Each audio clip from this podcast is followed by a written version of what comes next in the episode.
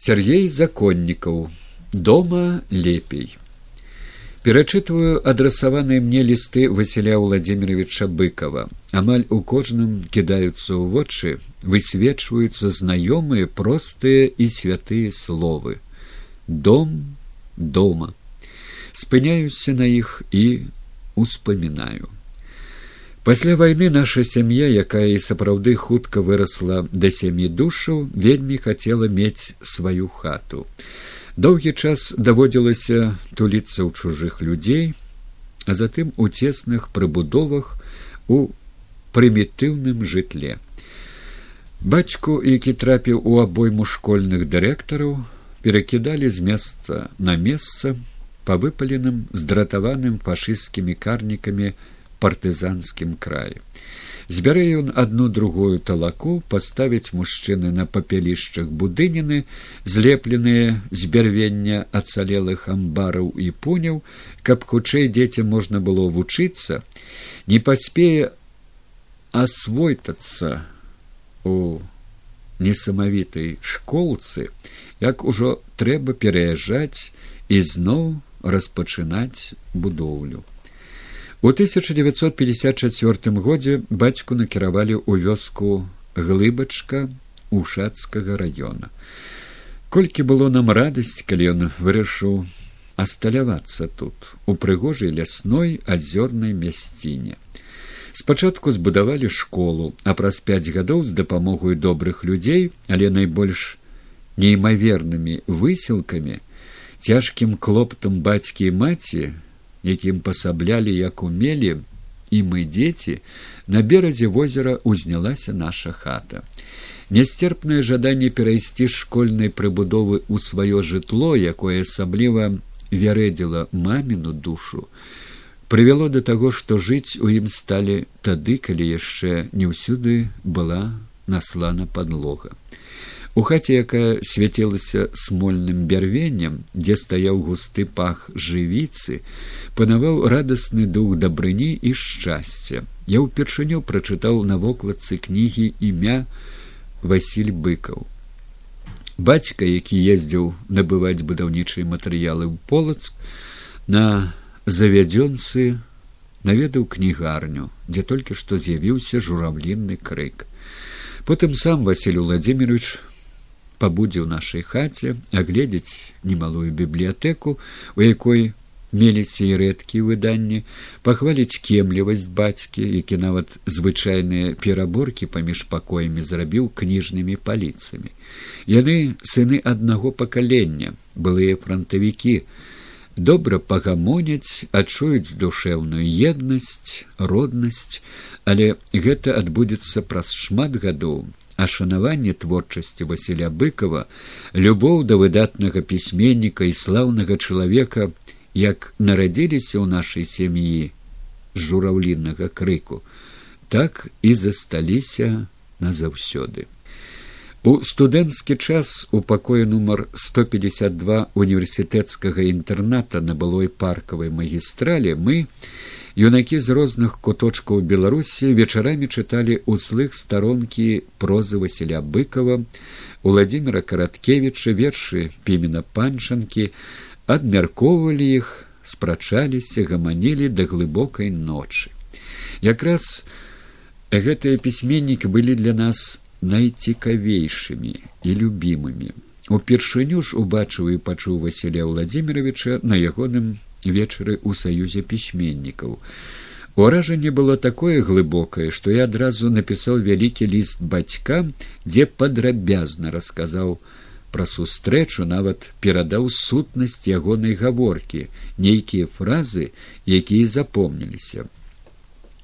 У 1966 годзе мне пашчасціла быць на пятым з'ездзе пісьменнікаў беларусі самым важным і памятным з усіх літаратурных форумаў пачаткоўцам якія рабілі першыя спробы ў прозе паэзіі выдалі гасцявыя запрашэнні і мы як ластаўкі на дроце месціліся на балконе палаца белсаў профа помню крыху бледнае засяроджанае аблічча быкова калі ён выходзіў да трыбуны але крок быў цвёрды і рашучы Мы лавілі кожнае слово ягонага адкрытага смелага выступлення.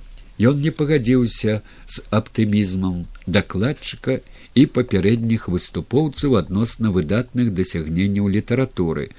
Гаварыў пра тое, што яна перажывае крызіс, што ёю закіравалі, яе занянчылі.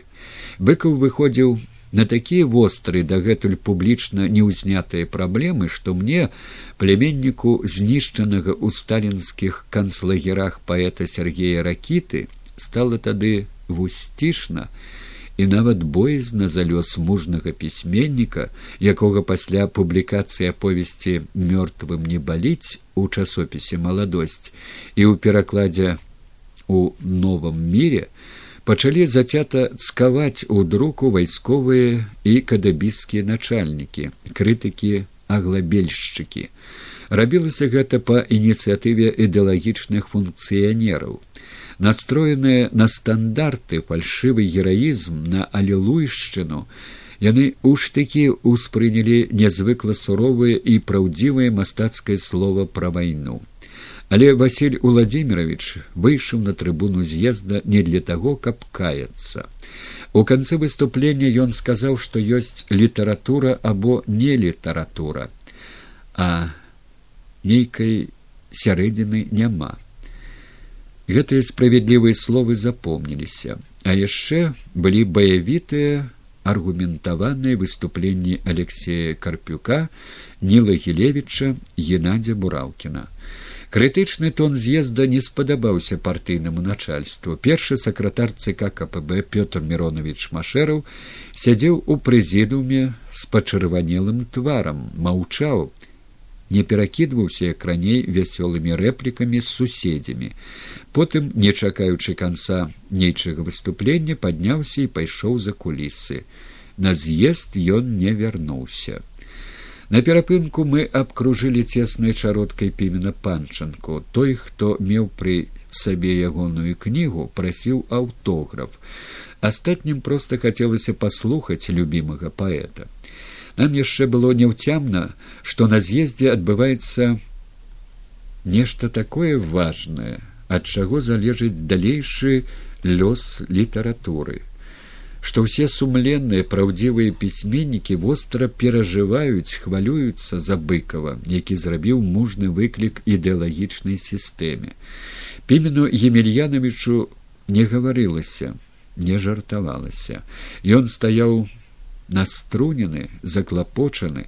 Быкаў які праходзіў міма глянуў на наш гармідар каля паэта падышоў усміхнуўся нам паціснуў кожнаму руку і сказаў прабачце хлопцы але я заберу ад вас пімены емельяновича. Яму трэба адпачыць яны пайшлі а мы нягледзячы на маладую настырнасць і жыццёвую нявопытнасць усё ж зразумелі далікатную увагу быкова да свайго старэйшага сябра Успамінаючы з'езд выступленне Васіля быкова, якое стало прыкладам асабістай пісьменніцкай і грамадзянскай мужнасці, я думаю пра тое, як своечасова прагучала яно, як дапамагло не толькі творчай інтэлігенцыі, але і многім іншым людзям адстойваць у жыцці праўду і справядлівасць. Ні ў якім разе ні на драбочак не хачу прысуседжвацца да высокай прынцыповасці Васіля Владимировича. Гэта было б нясціпла і смешна, але без ягонай духоўнай падтрымкі ці змог бы я не зламацца ў тыя студэнцкія гады, калі запраўду ў палеміцы з абмежаваным непісьменным супрацоўнікам лепельскай раёнкі на мяне абрынулася падтасоўваючы факты нахабна хлусячы газета з намі юнасці калі мяне хацелі выключыць з універсітэта з камсамола а потым вынеслі строгую вымову з занясеннем ва ўліковую картку і пазбавілі месца ў інтэрнаце. Ці хапіла б сілы адстаяць сваю пазіцыю выказаную ў газеце літаратуры і мастацтва ў артыкуле чытаючы спіс прэтэндэнтаў які ў сваіх перадачах ухвальна абмяркоўвала радыёстанцыя нямецкая хваля. Гэта выклікала абурэнне парткама універсітэта і мяне пагрозамі змушалі пакаяцца даць адлуп варожаму голасу але я застаўся стаяць на сваім у 1970 годзе лёс вярнуў мяне на вушатчыну да тут сустракацца з васілём уладзімировичем не давялося. Тады быкаў прыязджаў з гародні на малую радзіму не надта часта і гасцяваў нядоўга каб толькі адведаць маці пабыць з роднымі і блізкімі яму людзьмі. Прыязджаў можна сказаць інкогніта не свяціўся перад раённым начальствам.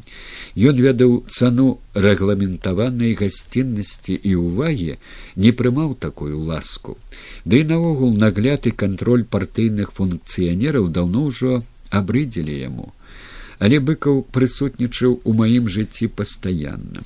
Я набываў і прачытваў усё што выходзіла з пад ягонага пера гэта былі аповесці сотнікаў абеліск воўчая зграя У маёй бібліятэцы заняў належнае месца і быкаўскі двухтомнік выбраных твораў.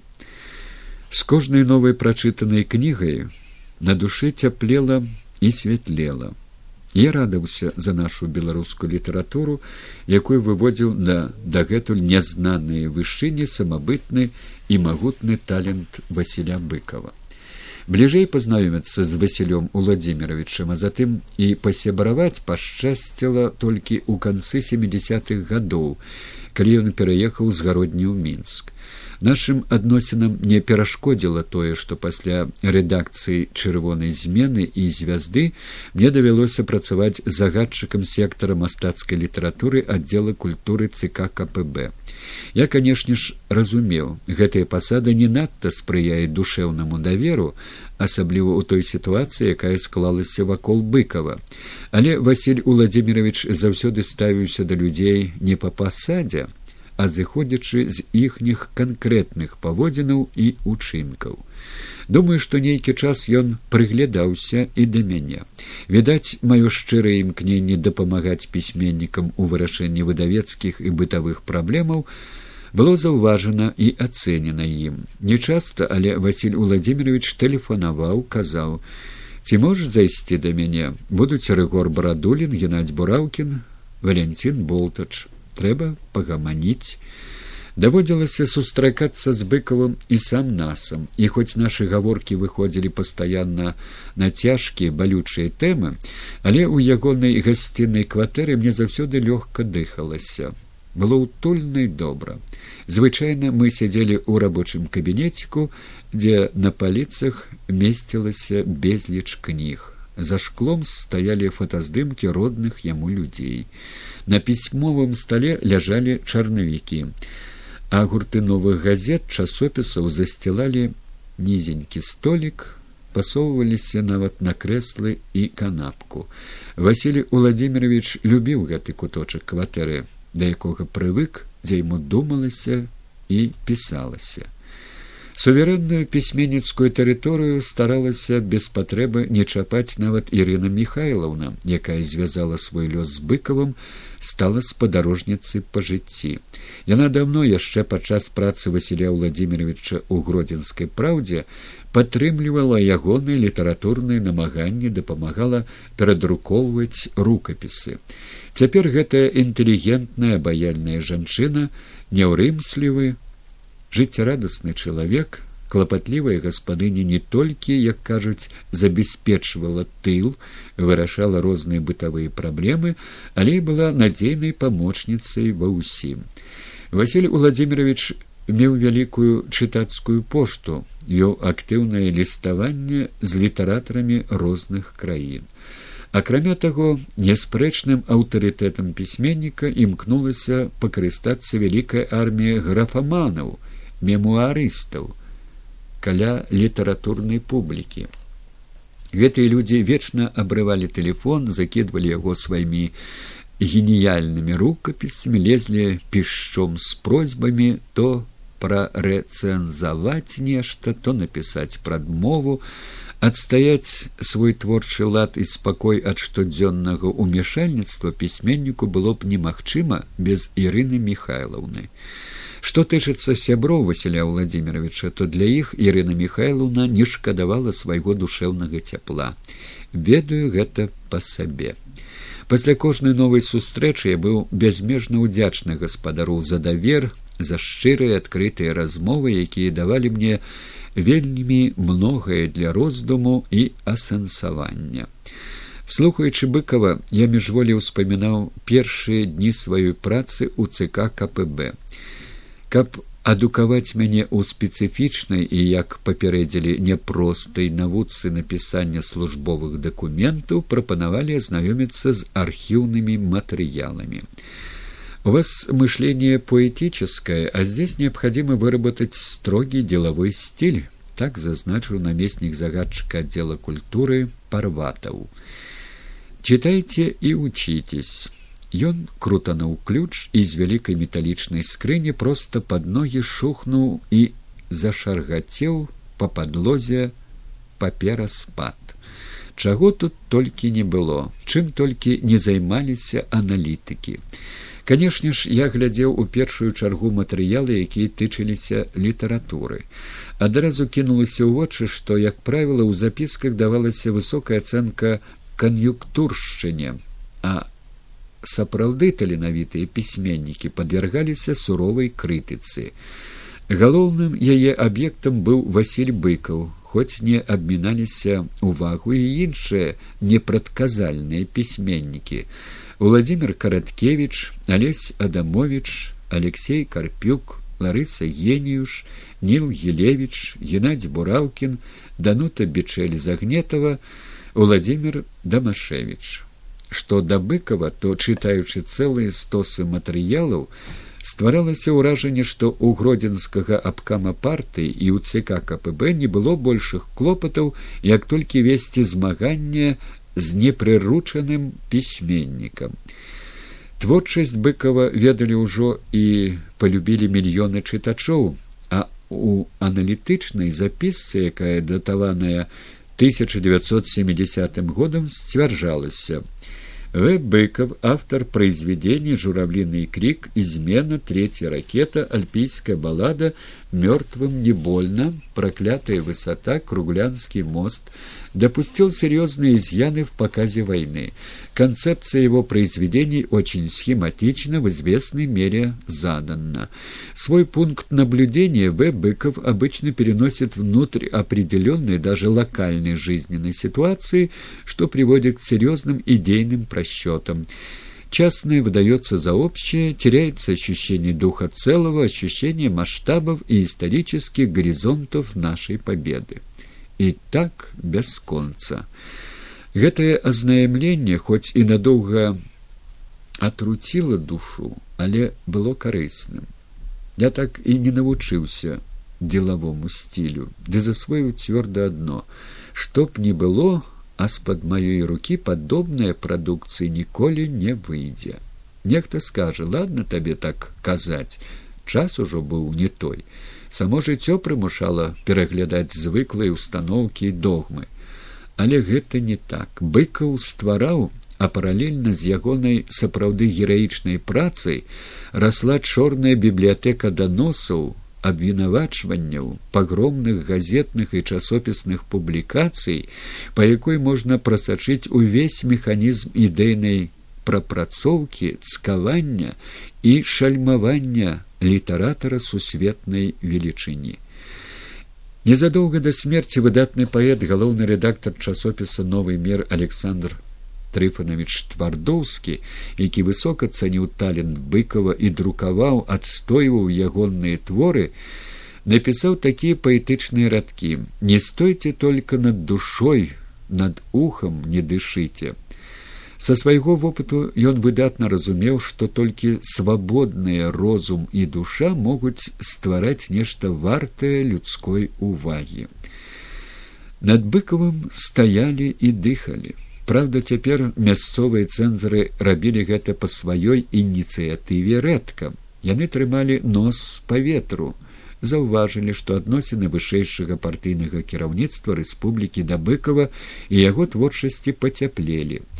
Аксёнаў і Кузьмін дапамаглі яму пераехаць у мінск атрымаць кватэру і тым самым вырвацца з-пад надакучлівай няўклюднай пастаяннай апекі абласных бонзаў у мінску атмасфера была крыху лепшай але быкова не выпускалі з-пад прыцэлу супрацоўнікі галоўліту ссср і цк кпсс дзе асабліва актыўнічаў наш земляк даўні апанент пісьменніка сяўрук новая повесть быкова знак бяды дзе выразна і поўна паказана беларускае народнае жыццё дзе глыбока і бліскуча раскрыўся ягоны талент на радасць аўтару без перашкод выйшла ў часопісе полымя затое яе друкаванне ў москве ў часопісе дружба народаў і ў выдавецтве маладая гвардія стала гвалтам над выдатным творам бо ім галоў літаўскія партыйныя цэнзары угледзелі падкоп пад калектывізацыю. Прытым як заўсёды стараліся каб іхняе ўмяшальніцтва не пакідала слядоў загады скарачаць або правіць былі вуснымі. А потым усё спісвалася на загнанага ў кут аўтара. Ён жа сам сваёй рукой унёс змены. Гэтую езуіцкую палітыку я ўжо добра ведаў неаднойчы гаварыў кузьміну. Няхай гэтыя цэнзары аддаюць пісьмовыя загады тады з імі можна будзе пазмагацца і сляды іхняга здзеку над аўтарскай волею застануцца. Александр ифанович кожны раз змрочна прамаўляў.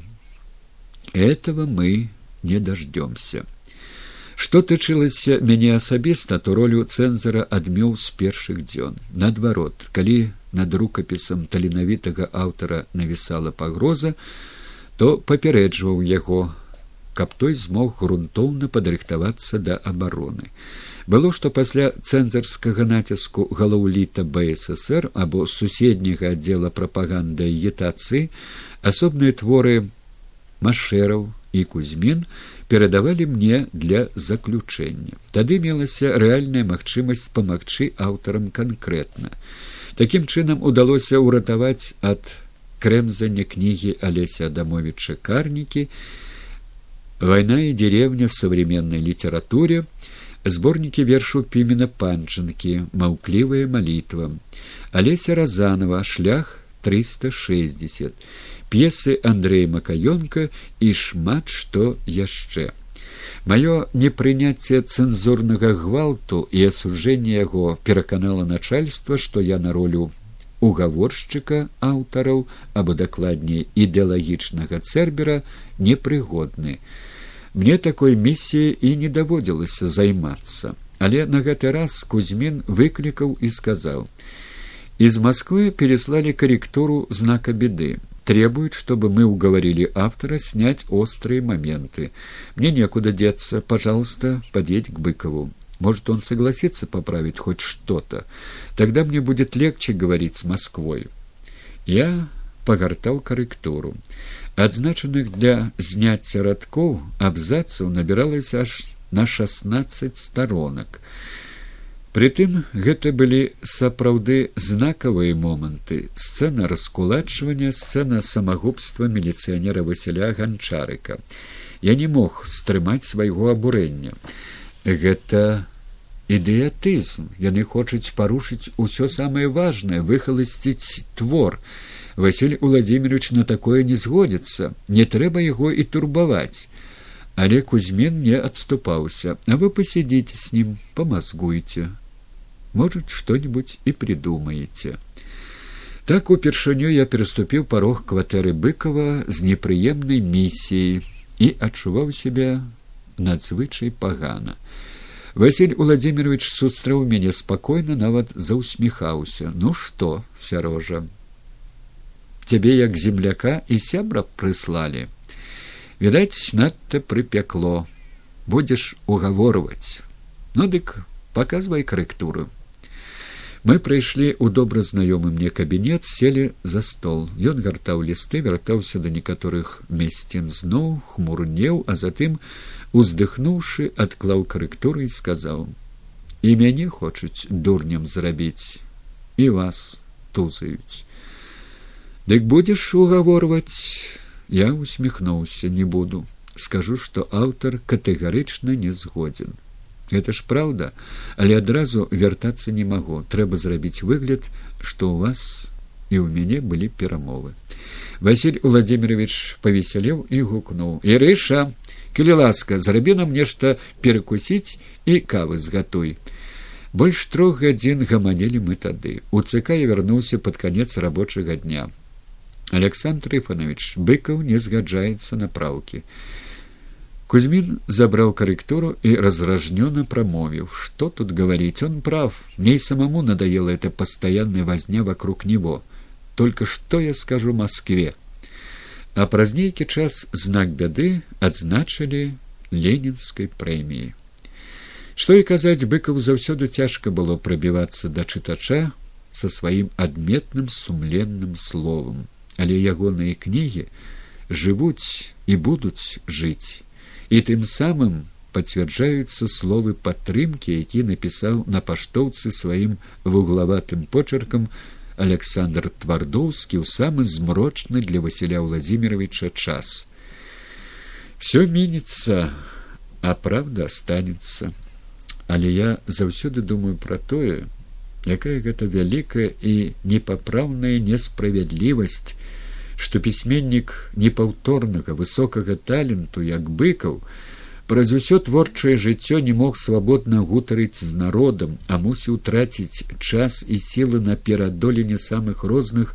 цэнзурных заслонаў і рагатак на прыбіццё глухой сцяны неразумення і варожасці з боку ідэалагічнага чынавенства гэтыя непатрэбныя але вымушаныя таталітарнай сістэмай намаганні не праходзілі бясследна падточвалі без таго слабое здароўе васіля владимировича так атрымалася што невялікі банкет які ладзіў быкаў для блізкіх сяброў з нагоды прысваення яму звання народнага пісьменніка беларусі стаў не радасным а сумным.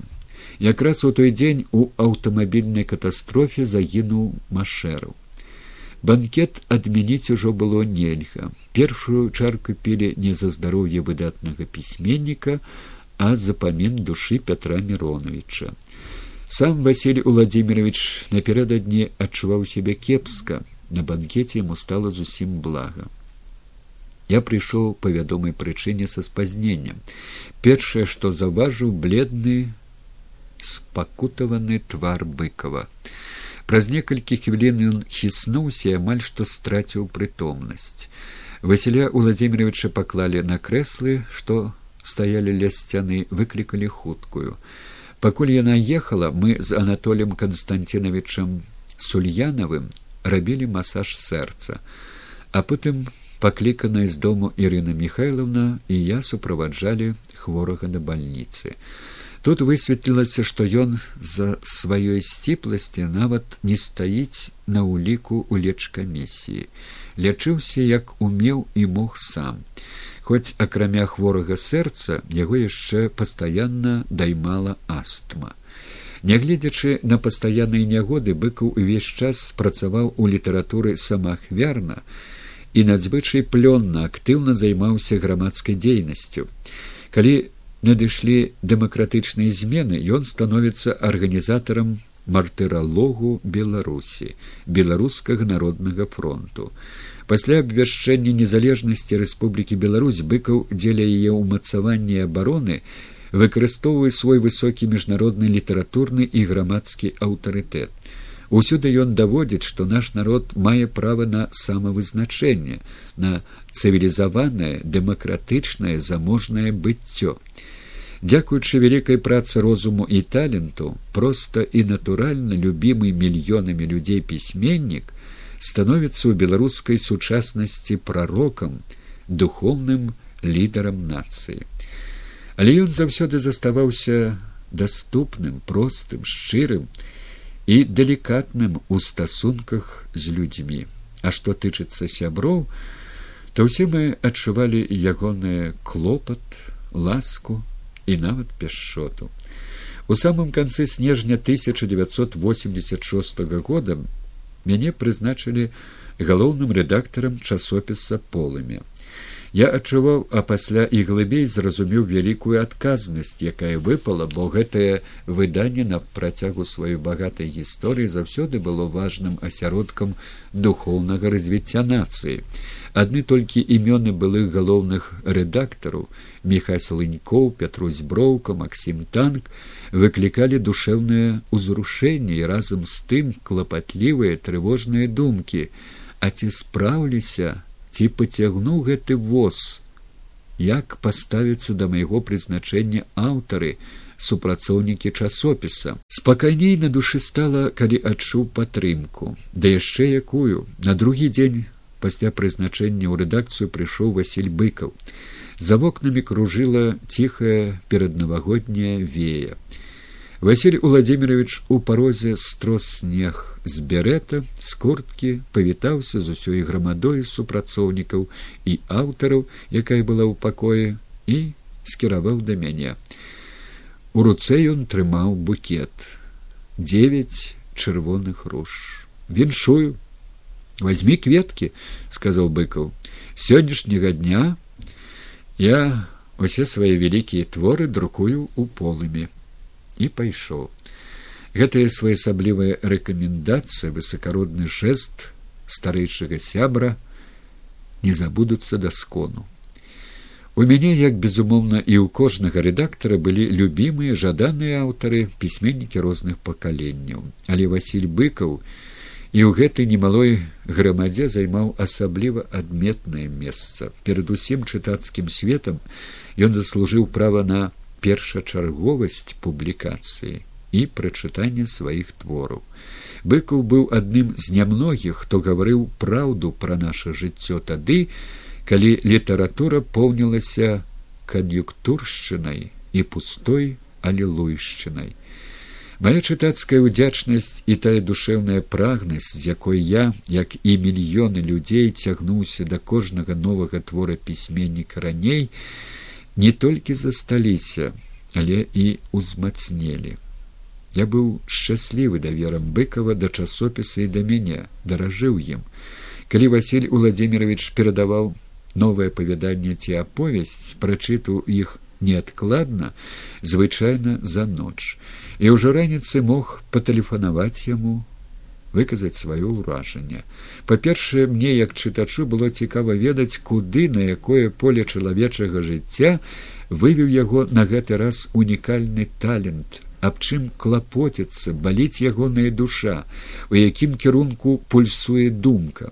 А па-другое як рэдактар прачуваў і хацеў хутчэй парадавацца што ў часопісе з'явіцца твор які не застанецца незаўважаным які падвысіць аўтарытэт выдання.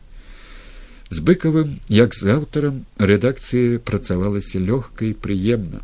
Вядома што пісьменнік які вядзе сваіх герояў пуцявінамі сюжэту які напружана думае хвалюецца перажывае знаходзіцца под вялікай эмацыйнай псіхалагічнай нагрузкай стамляецца нават фізічна і часам ён можа памыліцца ў нейкіх дэталях гэта непазбежна у рэдакцыі твор павінен даводзіцца да належнай кандыцыі Василь владимирович не глядзеў звысака як некаторыя на рэдакцыйныя клопаты ён уважліва прыслухоўваўся да заўваг рэдактараў цаніў чарнавую часта ўедлівую але вельмі патрэбную працу стылістаў карэктараў а таму быў сваім чалавекам жаданым госцем у кожным рэдакцыйным пакоі. І нават апошнім часам з-за мяжы тэлефануючы ці пішучы мне ліст не забываўся перадаць прывітанне палымянцам. Была у василя владимировича яшчэ одна аўтарская далікатнасць. Вось што ён піша ў сваім лісце. Дарагі сергей геннадь сказаў што полымі хоча атрымаць нешта маё. Дык я нарыхтаваў але ўсё думаю ці не занадта? Ці можна гэтак забіваць сваёй прадукцыі адзіны літаратурны часопіс? Можа хай паляжыць? Я не буду прэтэнзіі.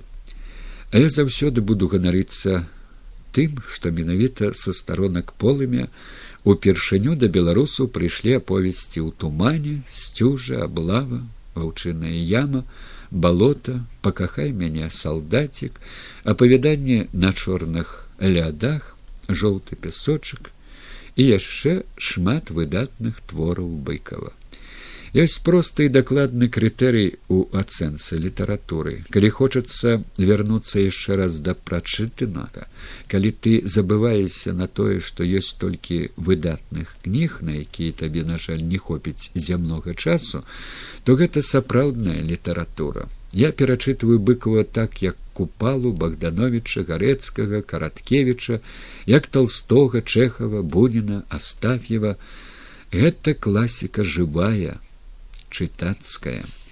Скажем, многае з напісанага пра вайну пляснулася ўжо ў лету і ніколі не будзе запатрабавана ні сённяшнім, ні будучым чытачом. Гэта тычыцца не толькі шматстаронкавых пафасных бадзёрых, шапка закідальніцкіх мемуараў многіх военачальнікаў. Любая хлусня нават літаратурная, прыхарошаная, аздобленая штучнай мастацкасцю, выкрываецца самім жыццём і як непатрэбшчына адкідаецца ім. Зусім іншы лёс у сапраўднай літаратуры, якая паказвае сапраўдную вайну, паказвае не толькі подзвігі, але і ўвесь бруд, гвалт, здзек, подласць, здраду, якімі помніцца аж цераз край любая нават нібыта і праведная крывавая калатнеча. На вайне як і у экстрэмальных сітуацыях мірнага часу открываюцца і светлыя вышыні і цёмныя закуткі прорвы чалавечай душы. Ваенную прозу быкова нягледзячы на яе трагізм будуць чытаць і перачытваць таму што яна чалавечная гуманістычная і самае галоўнае праўдзівая. Такая ж праўдзівасць поўніць ягоныя творы сучаснай тэматыкі, асвоеныя ім прыпавесці, казкі, яна пульсуе ў бліскучай публіцыстыцы. Уся творчасць Васіля быкова гэта не толькі мастацкая праўда пра чалавечае жыццё, але і падручнік, нацыя сцвярджэння вялікі асветніцкі духоўны капітал для суайчыннікаў.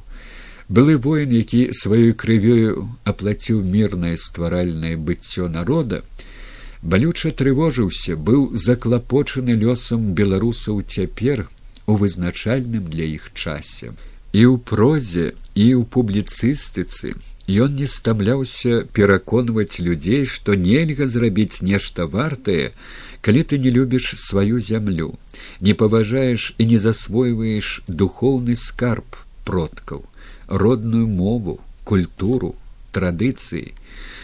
Пра беларускую цяперашнюю сітуацыю непараўнана больш складаную, чым у іншых народаў, якія імкнуцца да дэмакратыі, да лепшага жыцця, мы гаварылі з васілём владимировичем на працягу трох доўгіх вечароў у берліне. У 1999 годзе берлінская літаратурная майстроўня праводзіла цыкл сустрэчаў еўропа расказвае на пачатак мая былі запрошаны беларускія літаратары владимир някляю алесь разанов галина булыка людмила рублеўская і я даў згоду паўдзельнічаць у гэтай імпрэзе і быкаў.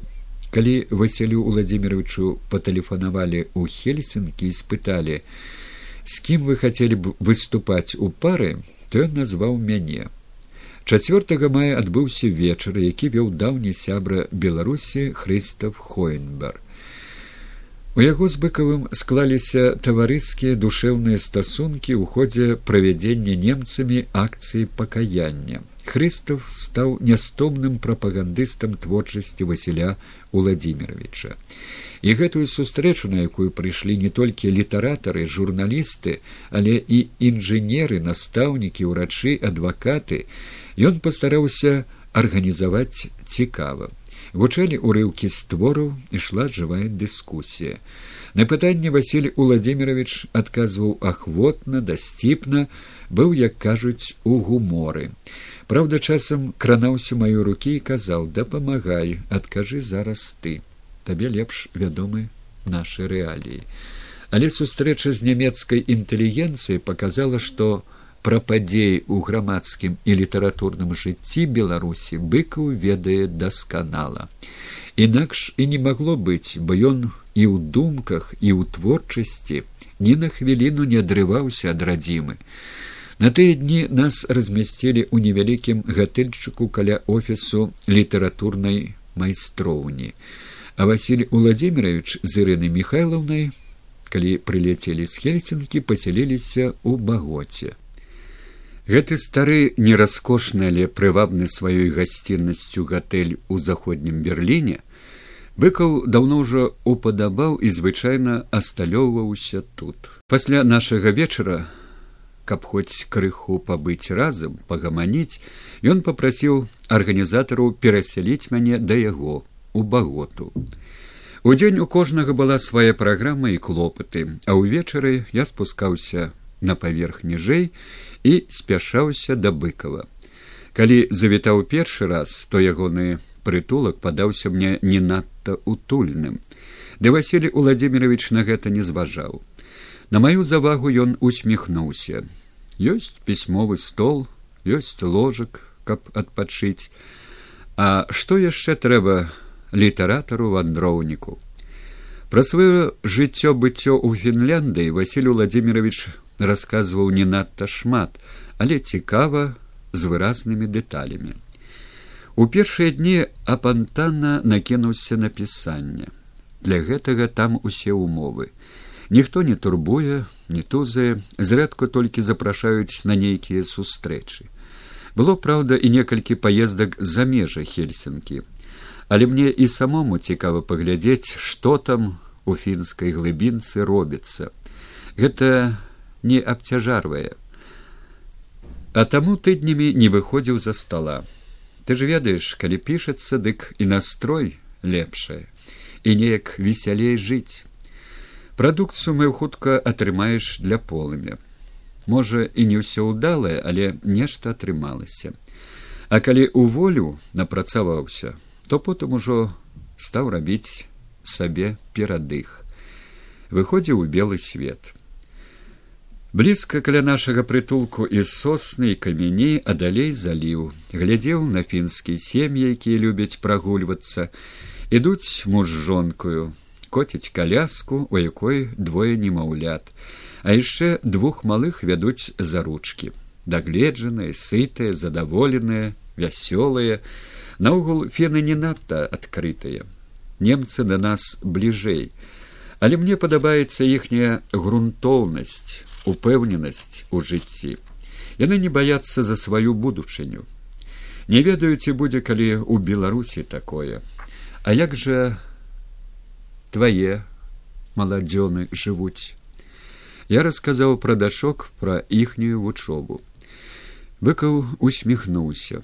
Помню як алёнка мне паштоўкі свайго вырабу прысылала а я і ў адказ таксама нешта падобнае майстраваў і свету яшчэ дашкольніцай белагаловенькай помню. Відаць хутка замуж будзе аддаваць. Нашай моладзі цяжка паспрабой маладой сям'і сваё жыллё займець. А яшчэ накарміць апрануць абуць дзяцей.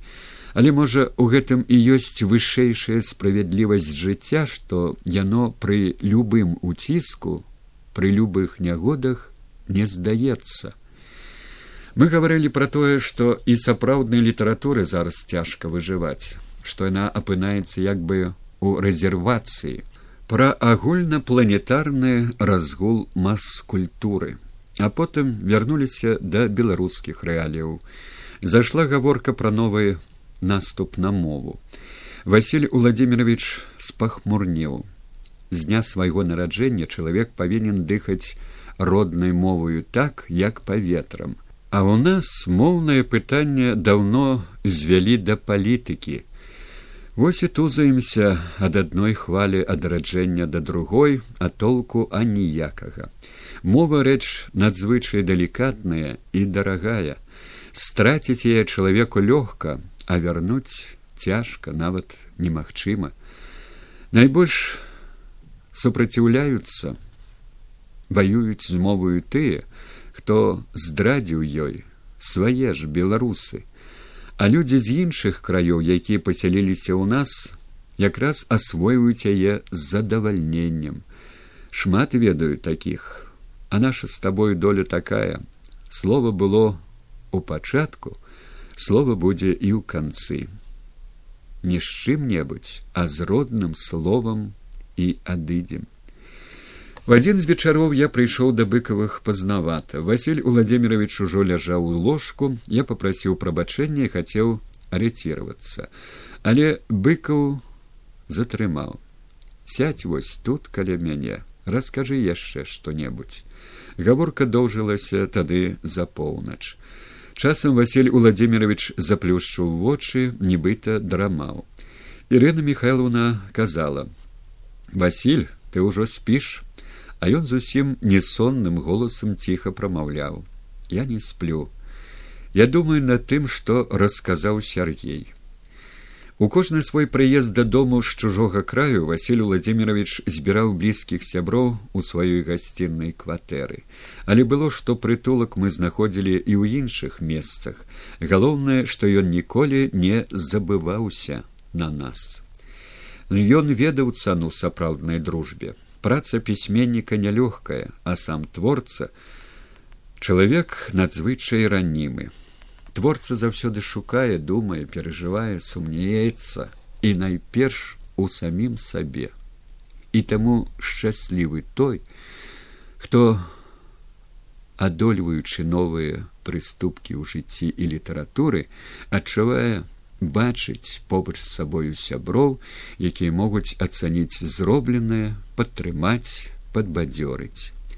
Гэта няпраўда, што пісьменнік такога маштабу, як быкаў, творцы вядомы на ўвесь свет не меў патрэбы ў дапамозе, мог абараніцца ад нападак уладарных цемрашалаў, нядобразышліўцаў, зайздроснікаў адным сваім магутным талентам. Яму таксама хацелася пачуць добрае слово, адчуць плячо падтрымкі. Васіль Уладзімирович помніў кожную праяву клопату, увагі, спагады да сябе. Ягоная ўдзячнасць за гэта была невымернай, але спыніць зацяжную кампанію шальмавання, цкавання геніяльнага пісьменніка і ў савецкі час і асабліва у апошнія дзесяцігоддзя не ўдалося. На другі дзень пасля аперацыі Васіль Владимирович патэлефанаваў з прагі. Перад тым мы размаўлялі, я ўжо ведаў, калі ён кладзецца ў бальніцу, і таму званок стаў неспадзяванкаю. Ад нечаканасці я разгубіўся, нават не павітаўся адразу спытаў: Васіль Владимирович, вы што, з бальніцы звоніце? Ён стараўся гаварыць бадзёра, хоць чуваць было, што голас аслабелы з бальніцы. Хлопцы далі з сабою мабільнік. Вось і рашыў пазваніць табе. Я папытаў: « Як вы сябе адчуваеце, парэзалі, баліць. Ён помаўчаў, а потым прамовіў: парэзалі, баліць, каб на яго. Ды да наогул сярожа, справы мае кепскія, знайшлі тое самае страшнае. Але давай не будем пра хваробу у мяне болей душа баліць за ўсіх нас. Лепей раскажы як вы там мацуецеся як твае?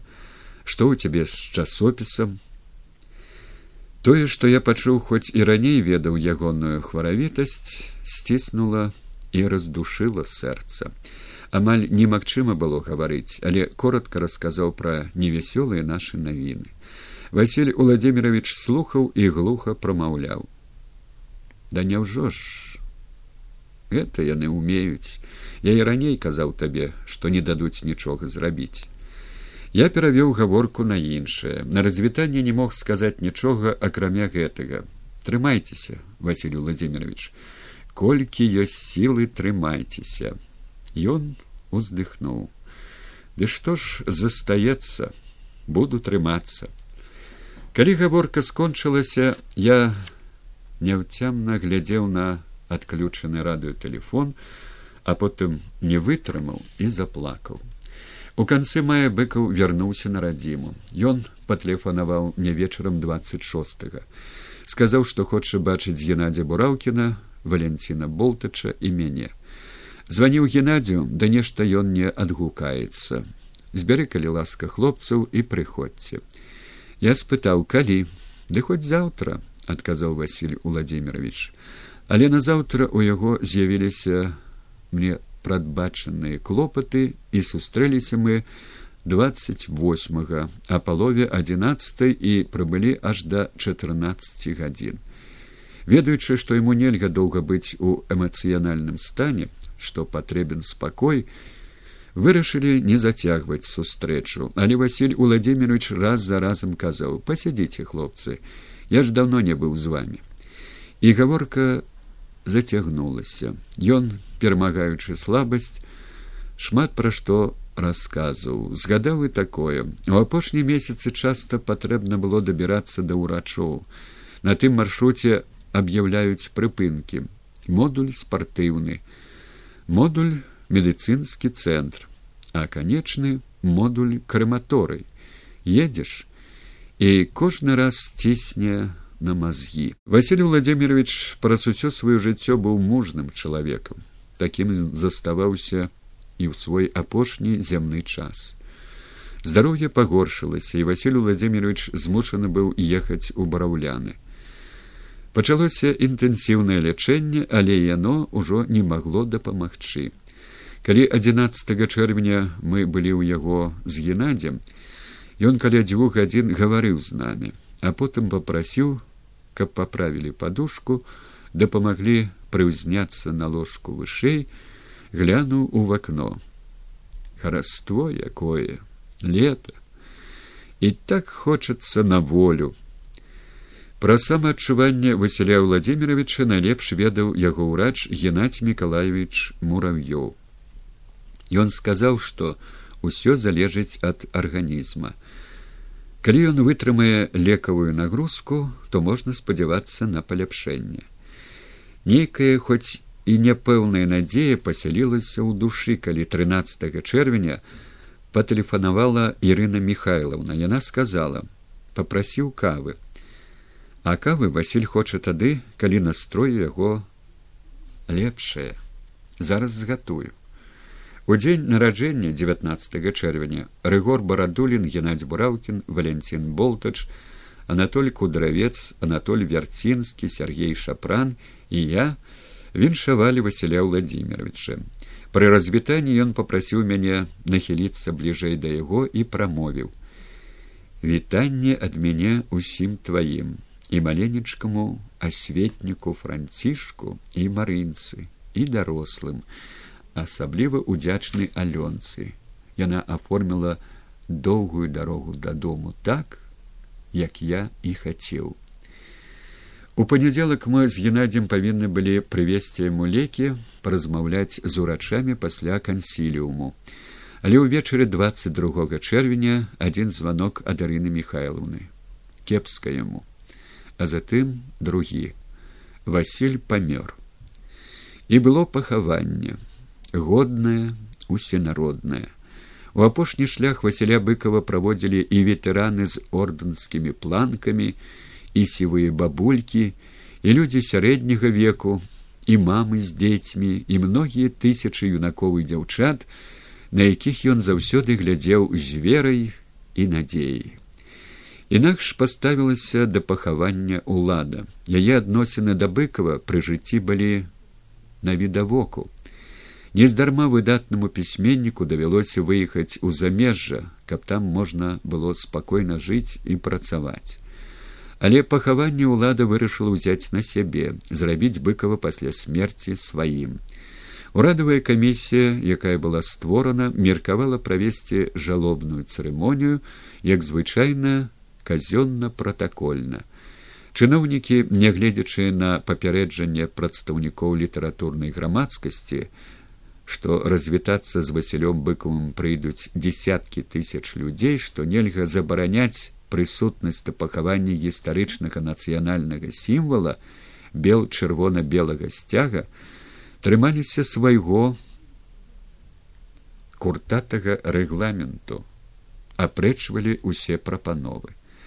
Раніцай 25 чэрвеня калі ў доме літаратара ўжо распачалася жалобная цырымонія чыноўнікам не спадабалася што сын васяля быкова ахінуў дамавіну нацыянальным сцягам. Яны адмянілі ўсе арганізацыйныя распараджэнні звязаныя з пахаваннем і сышлі. Узнікла надзвычай складаная сітуацыя. Прадстаўнікі ўлады былі ўпэўнены што сябры васяля владимировича не знойдуць з яе выхаду і можна будзе пазлараднічаць над свядомымі беларусамі але ўлада пралічылася. Жалобная цырымонія ішла спакойна арганізавана годна. Каля труны быкова пайшло больш за пятьдесят тысяч чалавек. На грамадзянскай паніхідзе прысутнічалі амбасадары многіх краін свету. Праволата беларускага духу гаварылі вядомыя людзі беларусі рассіі украіны германії а потым шматтысячная народная плынь моўчкі рухалася за труною па праспекце з карыны да ўсходніх могілак. Прайшоў жалобны мітынг святар завяршыў хрысціянскі абрад адпявання з нябожчыкам развіталіся родныя блізкія сябры василя владимировича Дамавіна опусцілася ў магілу, куды была высыпана і жмене зямлі з роднай нябожчыку вушадчыны. А затым магіла акрылася, патанула ў безлічы вянкоў і кветак. Над магілою быкова не грымеў гімн, не грукатаў салют, не тупалі боты вайсковага каравулу. Былі толькі ціхія развітальныя словы, і жалобнае маўчанне. Зранены салдат айчыннай вайны, якому аж цераз край хапіла стрэлаў, выбухаў міны снараду, які самым радасным момантам у жыцці лічыў гэты скончылася вайна, а я жывы. Заўсёды выступаў супраць мілітарызацыі мірных дзён, хацеў прагнуў толькі аднаго цішыні, каб спакойна думаць, пісаць. Васіль быкаў усё сваё жыццё адстойваў волю і праўду, а таму быў самастойным, самадастатковым чалавекам, непрыручаным пры любой уладзе. Выразніка народнага духу прысвоіць прысабечыць немагчыма. Няскораным, свабодным ён і адышоў у вечнасць. У мяне няма ўжо маці бацькі з іхнім адыходам у душы пахаладнела паменіла святла цяпер жа не стала яшчэ аднаго аперышча ў гэтым не заўсёды лагодным свеце. Адной сваёй прысутнасцю быкаў дапамагаў мне жыць. Пра тое кім быў для мяне василь владимирович сказаць словамі немагчыма.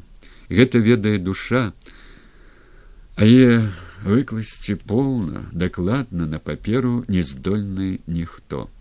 Цяпер жа яна скурчылася знямела нібыта не стала і мяне самога. Перачытываю лісты. Четвертого лютага тысяча девятьсот девяносто девятого года быкаў піша з фінляндыі. Дарагі мой дружа сергей на днях мне пераслалі сюды маю шматпакутную кніжку крыжовы шлях на якую я прызнацца ўжо махнуў рукой.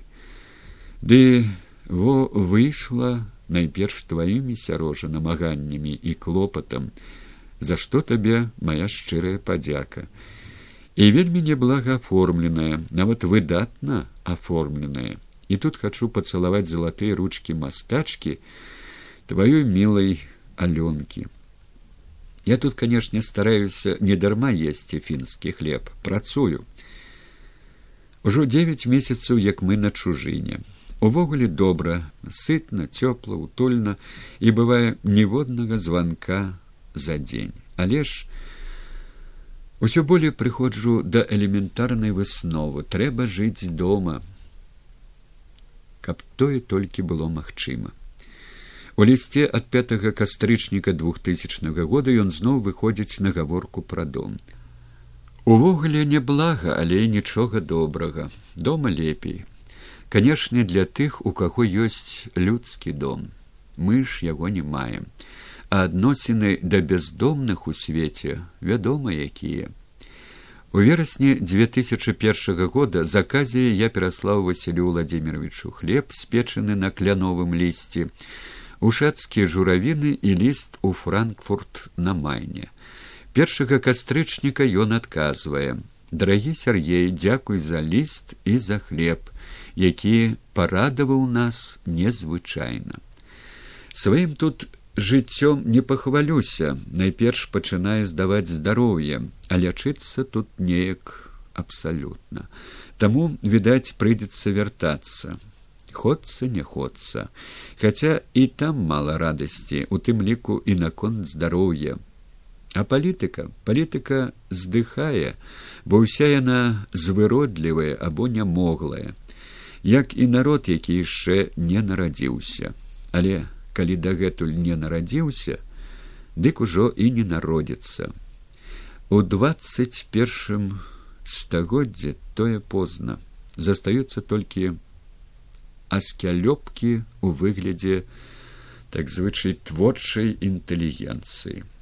Але не трэба думаць, што быкаў нярэдка пішучы і прамаўляючы такія горкія словы, ставіў крыж на народзе. Такім чынам ён хацеў яшчэ раз скалануць душы беларусаў прымусіць іх задумацца над сваім лёсам над лёсам дзяржавы. Нездарма апошнюю кнігу споведь ён назваў доўгая дарога дадому як і хацеў василь быкаў мы павінны пабудаваць свой дом незалежную дэмакратычную беларускую дзяржаву якая будзе стаяць вечна бо што б там не было ад дома лепей город минск